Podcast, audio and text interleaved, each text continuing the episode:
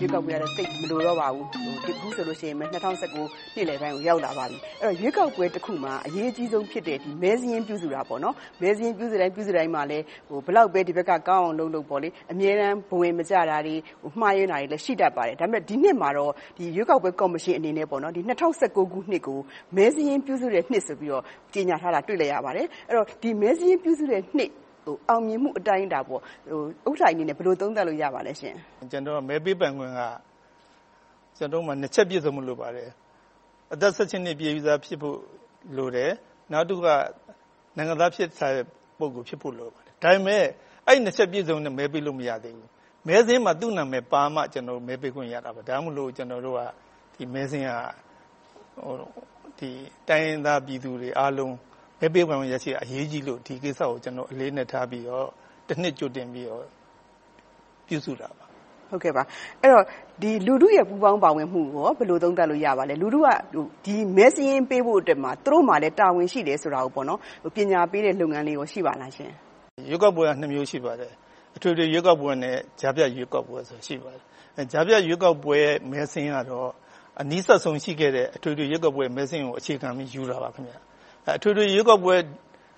နှစ်တစ်ကြိမ်ပြန်ကျင်းပတာကြတော့မဲစာရင်းအသစ်ပြုစုရတာပါ။ဒါဘာကြောင့်ပြုစုရလဲဆိုရင်နှစ်အတွင်းမှာကွယ်လွန်သွားတဲ့ပုဂ္ဂိုလ်တွေရှိတယ်။နှစ်ပြည့်လာတဲ့လူတွေရှိတယ်။နောက်မဲပေးတဲ့မြို့နယ်အတွင်းကိုပြောင်းရွှေ့လာတာရှိတယ်။အဲဒီရွှေ့ပြောင်းသွားတဲ့လူတွေလည်းရှိတယ်။ဒါတွေပြည့်စုံဖို့ကကျနော်အစအဆုံးအသစ်ပြန်ပြီးတော့ပြုစုရတာပါ။မဲစာရင်းပြုစုတာသုံးသုံးဖလှယ်ပြုစုတာပါ။တစ်အချက်ကတော့အထွေထွေအုပ်ချုပ်ရေးဦးစီးဌာနကရပ်ကွက် ကျေးရွာအုပ်ချုပ်မှုတွေကအခြေခံလူဦးရေစာရင်းကိုပေးပါတယ်။အဲဒီအခြေခံလူဦးရေစာရင်းမှာပါတဲ့အချက်အလက်တွေကမှန်ကန်မှုရှိမရှိကိုကျနော်တို့လူဝင်မှုကြီးကြပ်ရေးဦးစီးဌာနကနေစိစစ်ပေးပါတယ်။ပြီးမှကျနော်တို့ကအဲဒီဟာတွေကိုအခြေခံမဲစာရင်းနဲ့ထုတ်ပြန်ပါတယ်။သုံးသုံးဖလှယ်ဆောင်ရွက်ရတဲ့လုပ်ငန်းဖြစ်တဲ့အတွက်အားနည်းချက်တွေရှိနိုင်ပါတယ်။ဒါကြောင့်မို့ဒီမဲစာရင်းကမှန်ကန်တဲ့မဲစာရင်းမဖြစ်နိုင်ဘူးကြိုတင်မျှော်လင့်ထားပြီးသားပါ။ယုံလည်းယုံကြည်ပြီးသားပါ။ ဒါကြောင့်မို့ကျနော်တို့ကဒီဟာကိုဘယ်လိုအမှန်ရအောင်ဖြေရှင်းမလဲဆိုတာကျနော်တို့အဲဒီအခြေခံမဲစာရင်းပြုစုပြီးရင်ပထမအကြိမ်မဲကပ်ပါတယ်။နှစ်ပတ်ကပ်ပါတယ်။ရက်။အဲဒီအချိန်မှာသူ့မဲရုံလိုက်ကပ်ထားတဲ့အတွက်သက်ဆိုင်ရာပြည်သူလူထုကကိုယ့်အိမ်ထောင်စုဇယားမှာရှိတဲ့နှစ်ပြည့်ပြီးသားလူလူဦးရေစာရင်းအတိုင်းပါမပါလာကြည့်ဖို့လိုပါတယ်။အဲဒီလိုလာကြည့်ဖို့ကလဲအိမ်ထောင်တခုမှာတဦးလာကြည့်ရင်အဆင်ပြေပါပြီ။ယောက်ရှိတာဦးလုံးလာကြည့်စရာမလိုပါဘူး။ အဲဒီလာကြည့်တဲ့အခါမှာသူတို့ကမဲစာရင်းမှာမျိုးတွေ့နိုင်ပါတယ်။တစ်အချက်ကတော့ကိုယ့်အမည်စာရင်းမပါတာတွေရှိနိုင်ပါတယ်။နောက်တမျိုးကတော့မပါသင့်တဲ့လူတွေဥပမာကွယ်လွန်ပြီးသားလူတွေ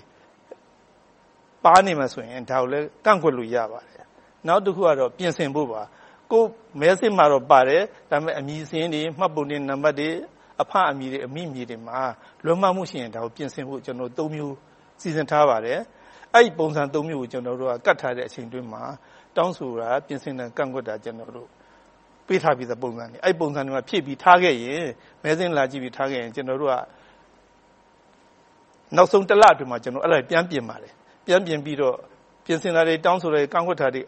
ကိုကြည့်ပြီးတော့မဲစာရင်းတခါပြန်ပြုစုပါတယ်။ပြန်စုပြီးတော့ရက်ထပ်ကပ်ပါသေးတယ်။အဲဒီအချိန်မှာလာကြည့်ဖို့လိုပါတယ်။ကျနော်တို့အရင်ကတောင်းဆိုတာတွေပြင်ဆင်တွေကန့်ကွက်တာတွေလုပ်ပြီးပြီလား။ တကယ်လို့အဲဒီတုန်းကမကြည့်ဖြစ်လို့ရက်တုန်းကမကြည့်လို့နောက်ကျန်ရစ်ခဲ့တဲ့လူတွေကလည်းအဲဒီအချိန်မှာထပ်ပြီးတော့ပြင်ဆင်တာတွေတောင်းဆိုတာတွေကန့်ကွက်တာတွေလုပ်နိုင်ပါသေးတယ်။အဲဒီနှစ်ကြိမ်ကပ်ပြီးတော့ဒါ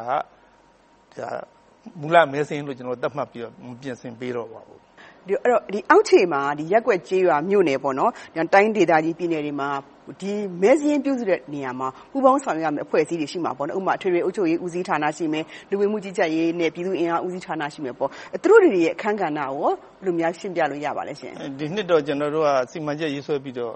နှစ်ပိုင်းခွဲဆောင်ရွက်နေမှာပါ။ပထမပိုင်းကတော့အခြေခံလူဦးရေစာရင်းရရှိရေးဆိုပြီးတော့ပထမပိုင်းလုပ်ပါတယ်။အဲဒီရရှိတဲ့ လူဦးရေစာရင်းကိုမှကျနော်တို့ကသတ်မှတ်ချက်တဲ့အချက်တွေနဲ့ကိုက်ညီမှုရှိမရှိကိုပြန်လည်စီစစ်ပြီးမှအခြေခံမဲစာရင်းပြုစုတာပါ။ဒါကြောင့်မို့ဒီအပိုင်းမှာအပိုင်းပိုင်းရှိတယ်။ပထမပိုင်းကအခြေခံလူဦးရေမဲစာရင်းကတော့အထွေထွေအုပ်ချုပ်ရေးဦးစီးဌာနဆီကတောင်းခံရပါတယ်။ဘာဖြစ်လို့လဲဆိုတော့ရပ်ကွက်ကျေးရွာအုပ်စုအတွင်းမှာရှိတဲ့လူဦးရေကအထွေထွေအုပ်ချုပ်ရေးဦးစီးဌာနအောက်မှာရှိတဲ့ ရက်ကွက်အုပ်ချုပ်ရေးမှုကြေးရွာအုပ်ချုပ်မှုတွေလက်ထက်မှာပဲသူတို့မှာလူကြီးအပြည့်အခြေခံစင်းရှိတာပါအဲ့အခြေခံစင်းရပြီးရင်ဒီလူတွေကနိုင်ငံသားဟုတ်ရဲ့လားမှတ်ပုံတင်အမိ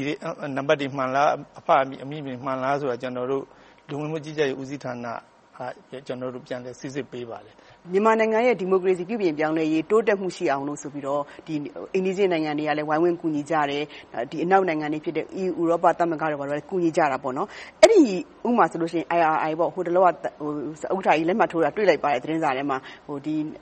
International Republican Institute ပေါ့နော် American ပြည်ထောင်စုကနေပြီးတော့လာတဲ့ဒီဌာနတွေကလည်းဒီရွေးကောက်ပွဲကော်မရှင်တွေကို အားဖြည့်တဲ့အနေနဲ့ပေါ့နော်သူတို့တဒတ်အား ပါဝင်နေကြပါတယ်အဲ့တော့သူတို့တွေရဲ့ ပံ့ပိုးကူညီမှုကရောဘယ်လောက် အတိုင်းအတာထိ ထိရောက်မှု ရှိပါလဲရှင် ရှိပါသေးတယ်ဆိုသူတို့ရဲ့ကျွန်တော်တို့ရဲ့ရွေးကောက်ပွဲလုပ်ငန်းပေါ့လုပ်ငန်းမှာကျွန်တော်မဟာဗျူဟာစီမံကိန်းမှာအခန်း7ခန်းထည့်ဆွဲထားပါတယ်အဲ့အခန်း7ခန်းမှာသူတို့အပိုင်းနဲ့ပတ်သက်တဲ့အပိုင်းတွေကိုဝင်ရောက်ကူညီပေးနေပါတယ်အဲပြောရရင်တော့ကျွန်တော်တို့ဒီ capacity building အရေးဒီအရေးရှင်မြင့်တဲ့သင်တန်းတွေနောက်ဆွေးနွေးပွဲတွေနောက်လိုအပ်တဲ့ဒါ IT နည်းပညာတွေအဲဒီကျွန်တော်တို့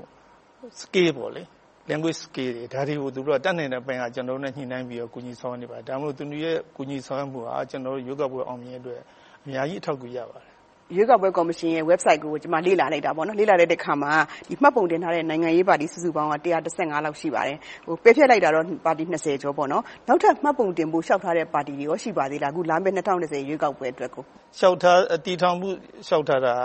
၄ပါတီရှိပါတယ်စီစစ်နေတာ၃ပါတီရှိပါတယ်ကျန်တဲ့92ပါတီကတော့ ကျွန်တော်ခွင့်ပြုပြီးသားပါဟိုအများယုံကြည်လက်ခံတဲ့ရွေးကောက်ပွဲမှာဒီဒီမိုကရေစီနိုင်ငံတို့ဆိုတဲ့ကော်မရှင်ရဲ့ဆောင်ပုဒ်ကိုသတိထားမိပါတယ်ရှင်။ဒါပေမဲ့ဒီကြန့်ခိုင်ရေးနဲ့တိုင်းရင်းသားစည်းလုံးညီညွတ်ရေးအပါအဝင်နိုင်ငံရေးပါတီ26ခုကနေပြီးတော့ရွေးကောက်ပွဲကော်မရှင်ဟာတဲ့ဒီ2020ရွေးကောက်ပွဲကျင်းပတဲ့အခါမှာလွတ်လပ်ပြီးတရားမျှတမှုရှိလိမ့်မယ်လို့မယုံကြည်ဘူးဆိုတဲ့ပြောနေတဲ့အပေါ်မှာရောဘယ်လိုမှတ်ချက်ပေးလိုပါလဲရှင်။ဟုတ်ကဲ့အဲ့ဒါတော့မကျင်းပသေးမှမစတဲ့ရွေးကောက်ပွဲကြီးကိုဘာအထောက်ထားမှမရှိဘဲနဲ့မယုံကြည်ဘူးဆိုတာတော့ ဒါစဉ်းစားစရာပေါ့နော်။ဒါပေမဲ့ကျွန်တော်တို့မှာဆောင်ဖို့ရှိပါတယ်ကျွန်တော်တို့စံလဲ၅ချက်ရှိပါတယ်ခုနဆောင်ဖို့နဲ့အညီကျက်ပတ်နိုင်ဖို့စံ၅ချက်ကဘာလဲဆိုရင်တစ်ခဲ့နှစ်ချက်ကလွတ်လပ်ပြီးတော့တရားမျှတမှုရှိရမယ်ရွေးကောက်ပွဲတွေကနောက်၃ချက်၄ချက်ကတော့ပွင့်လင်းမြင်သာမှုရှိပြီးတော့အများယုံကြည်မှုလက်ခံတဲ့ရွေးကောက်ပွဲဖြစ်ရမယ်နောက်ဆုံးနံပါတ်5စံ5က ပြည်သူစံတန်းနဲ့ရွေးကောက်ပွဲရက်လက်တစ်ထပ်သေးကြရမယ်ကျွန်တော်ဒီစံ5ချက်နဲ့လုပ်မယ်လို့ကျွန်တော်တို့အဖွဲ့တောင်းယူတွေကကြိုးကြိုထားတဲ့ဒါ15ချက်ပါဒါမဲ့2020ရွေးကောက်ပွဲမှာပြည်ရင်းပြည်ပနေပြီးတော့ဒီအကဲခတ်ပေါ့နော်ပုဂ္ဂိုလ် observer တွေလေ့လာနိုင်ဖို့အတွက်လက်ခံခွင့်ပြုဖို့အစီအစဉ်ရောရှိပါလားရှင်ကျွန်တော်အဲ့လာ2015တုန်းကလည်းကျွန်တော်တို့လက်ခံပြီးသားပါကျွန်တော်တို့ဒီ2020ကျရင်လည်းကျွန်တော်တို့ဒါရွေးကောက်ပွဲ စောင့်ကြည့်လေ့လာသူကျွန်တော်တို့ပြည်တွင်းပြည်ပဖိတ်ကြားထားဖို့အစီအစဉ်ရှိပါတယ်အဲ2015တုန်းကတော့ကျွန်တော်တို့ဒီရွေးကောက်ပွဲလာရောက်လေ့လာတဲ့အရေးအတွက်ကနိုင်ငံတကာစောင့်ကြည့်လေ့လာရေးကတရားတဆောင်တဆောင်153လာရောက်လေ့လာပါတယ်ပြည်တွင်းလေ့လာသူက11383လေ့လာပါတယ်ဒီနှစ်လည်းကျွန်တော်တို့ကဒီအဖွဲ့တွေကိုကျွန်တော်ဖိတ်ခေါ်မှာပါဒီလိုဖိတ်ခေါ်တဲ့အကြောင်းရင်းကလည်းကျွန်တော်တို့ကျင်းပနေတဲ့ရွေးကောက်ပွဲတွေဟာ ခုနကျွန်တော်တင်ပြခဲ့တဲ့15ချက်နဲ့ညီအောင်လုပ်နေပါတယ်ဆိုတာတက်တည်ပြကျွန်တော်ကျွန်တော်ပြောတာပါဒါကြောင့်ဒီဟာကိုလည်းကျွန်တော်တို့ရဲ့ယုံကြည်ချက်တိုင်းလုပ်ပြလို့လည်းကျွန်တော်တို့ဒီပုံကိုယ်တွေကိုဖိတ်ဖိတ်ခေါ်ရတာပါဟုတ်ကဲ့ပွင့်လင်းမြင်သာမှုရှိရှိပေါ့နော်ဟုတ်ကဲ့15ချက်ပေါ့ဟုတ်ကဲ့ပါကျွန်တော်လွတ်လပ်ပြီးမျှတရမယ်ပွင့်လင်းမြင်သာမှုရှိပြီးတော့အများလည်းယုံကြည်ရမယ်ပြီးတော့ပြည်သူစံတန်းနဲ့ရွေးကောက်ပွဲရလာတထထဲကြရမယ်ဟုတ်ကဲ့ပါအဲ့တော့အခုနောက်ဆုံးအနေနဲ့ပေါ့နော်ဒီဥက္ကဋ္ဌကြီးဒီ2020ရွေးကောက်ပွဲပြင်ဆင်မှုတွေနဲ့ပတ်သက်ပြီးတော့စိန်ခေါ်မှုတွေရောရှိပါလားရှင်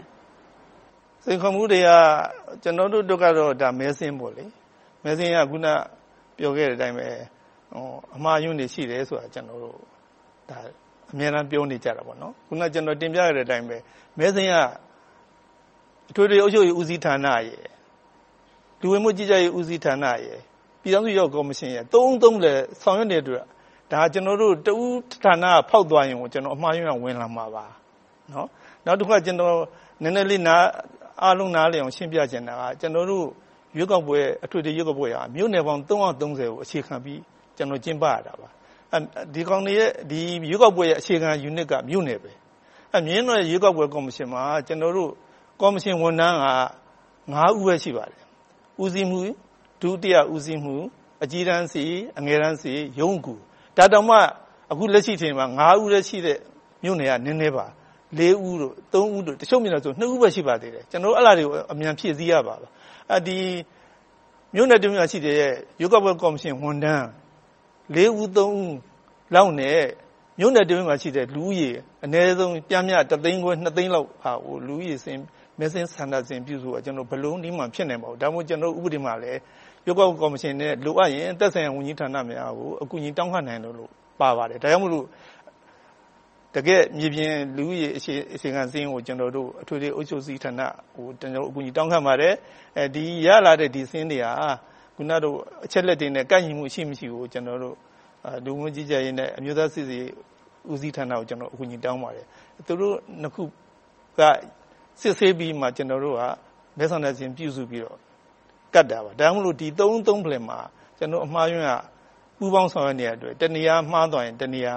မှာပြတ်တတ်တက်နေပါတယ်တူးထထနာတဲ့လွတ်တတ်တဲ့တော့အမှားယွင်းကပိုရှိနိုင်ပါတယ်ကျေးဇူးအများကြီးတင်ပါတယ်ဟုတ်ကဲ့ကျေးဇူးတင်ပါတယ်